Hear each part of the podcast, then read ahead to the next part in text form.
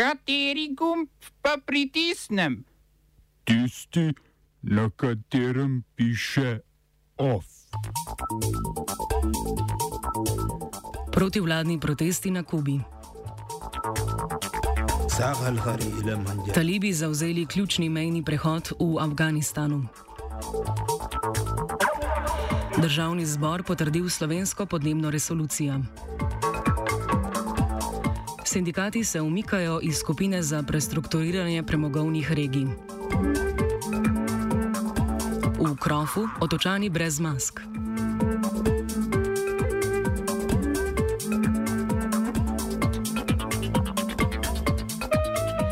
Kubanska vlada je v luči večjih protivladnih protestov v zadnjih dneh omejila dostop do družbenih omrežij in nekaterih komunikacijskih aplikacij v državi.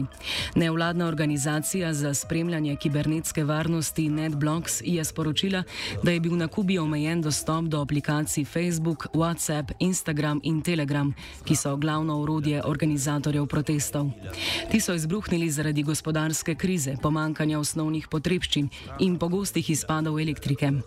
Protestniki so nezadovoljni tudi z vladnim pristopom k zaezitvi pandemije COVID-19, še posebej z omejevanjem osebnih svoboščin. Od nedelje do zdaj so protesti terjali eno smrtno žrtev.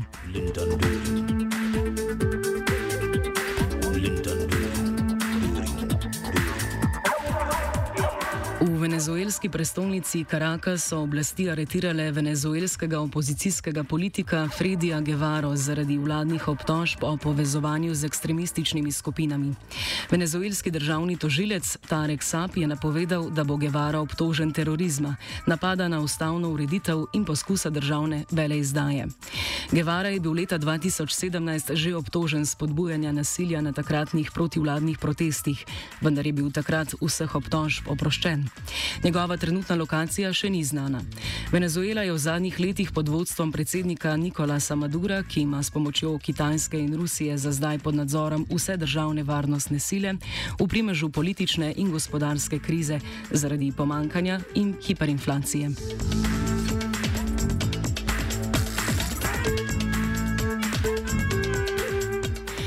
Iraškem mestu Nasarija je zagorel COVID-ni oddelek bolnišnice Al-Usain.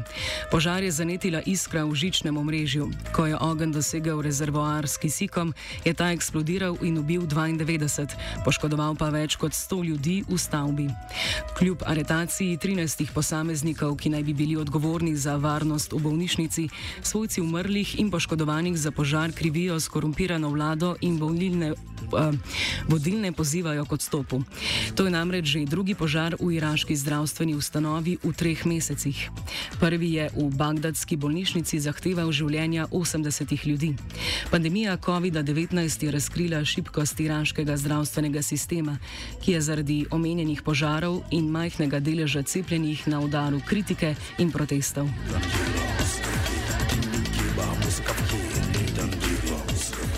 Nadaljujemo v drugi državi, v katero je na začetku tega stoletja ukorakala ameriška vojska. Talibi naj bi zavzeli kraj Spin Boldak v bližini Kandaharja, ki je drugi najprometnejši mejni prehod na meji s Pakistanom.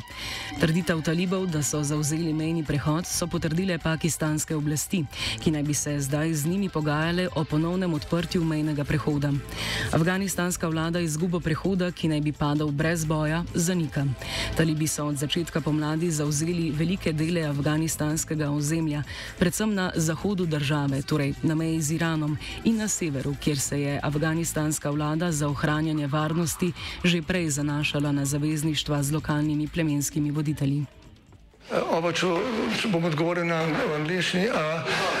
Slovenija bo poskušala pomagati. Slovenija bo naredila naš utmost, da bo rekla, da je situacija naš problem, sami. In bomo naredili nadaljnje korake, as soon as the conditions are. Bomo vlado Marjana Cererera Šarca podprli. Zelo, zelo resno. Slovenija. We know how and we will. Državni zbor je potrdil predlog resolucije o dolgoročni podnebni strategiji Slovenije do leta 2050. Tam predvideva zmanjšanje emisij toplogrednih plinov za 80 do 90 odstotkov glede na leto 2005 in pospeševanje prilagajanja podnebnim spremembam. V okviru resolucije je bilo sprejeto tudi dopolnilo k določilu o jedrski energiji, ki je bilo ob prvi razpravi v matičnem odboru sicer začasno umaknjeno iz obravnave. Dopolnilo Slovenijo zavezuje k dolgoročni rabi in razvoju jedrske energetike ter predvideva ustrezne upravne postopke. Opozicija z Luko Mescem na čelu se z dopolnilom ne strinja, saj po njegovih besedah Slovenijo potihem in brez ustrezne javne razprave zavezuje k jedrski energiji. Lindon. Krška družba Kostak je po enem mesecu končala odstranitev 650 ton komunalnega blata z območja Pivole v občini Hoče Slivnica. Stroški odstranitve bodo znašali več 100 tisoč evrov, predvsem zaradi velike količine blata in težke dostopnosti območja. Zaradi nezakonitega odlaganja komunalnega blata in povzročitve ekološke katastrofe je policija ovadila šest ljudi, ki jim grozi do 8 let zaporne kazni. Direkcija za vode bodo nadaljnega izvajanja izvajala nadzor nad območjem, da bi preprečila negativne posledice komunalnega blata na bližnjo okolico.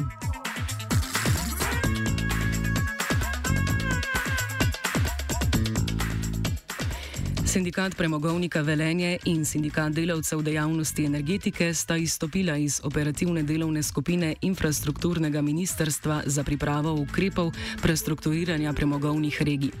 Predsednik sindikata delavcev energetike Branko Sevničar je na današnji tiskovni konferenci izpostavil, da je ministrstvo ignoriralo pripombe sindikatov, da jih ni obveščalo o sestankih in ni delalo zapisnikov. Smo danes na novinarski oziroma tiskovni konferenci sporočili slovenski javnosti, da kot aktiven član izstopamo iz tega eh, procesa, zato ker smo v dveh letih nastanka te operativne skupine vložili ogromno napora, sredstev in pa tudi neko dela, zato da bi nasprotno stran z argumenti pripričali, da razmišljajo v napačno smer. Ko vi oceniš in vidiš, da ni rezultata tega, kar predlagaš, potem mislim, da ni druge izbire, kot da poiščeš neke druge poti in kot prva pot je to izstop iz te operacijske skupine. Sevnič, Sevničar je še povdaril, da v strategiji, ki predlaga prenehanje uporabe premoga do leta 2033, ni podanih nikakršnih rešitev za ustrezen prehod trenutno zaposlenih v premogovnikih v Savinsko-Šaleški regiji v druge panoge. Lindon. Državni zbor za ustavnega sodnika ni izglasoval Janeza Kranca. Na tajnem glasovanju mu je zmanjkal en glas podpore. Za njegovo imenovanje na funkcijo ustavnega sodnika je glasovalo 45 poslancev, 43 jih je bilo proti, ena glasovnica je bila neveljavna. Krancu so nasprotovali poslanci strank LMŠ in Levica. Po njihovih besedah mora imeti ustavni sodnik čut za pravičnost. Krančeva stališča do nekaterih družbenih vprašanj pa naj bi segala v antične čase. Kranc je že tretji kandidat za ustavnega sodnika, ki ga je predlagal predsednik Borut Pahor in zavrnil državni zbor.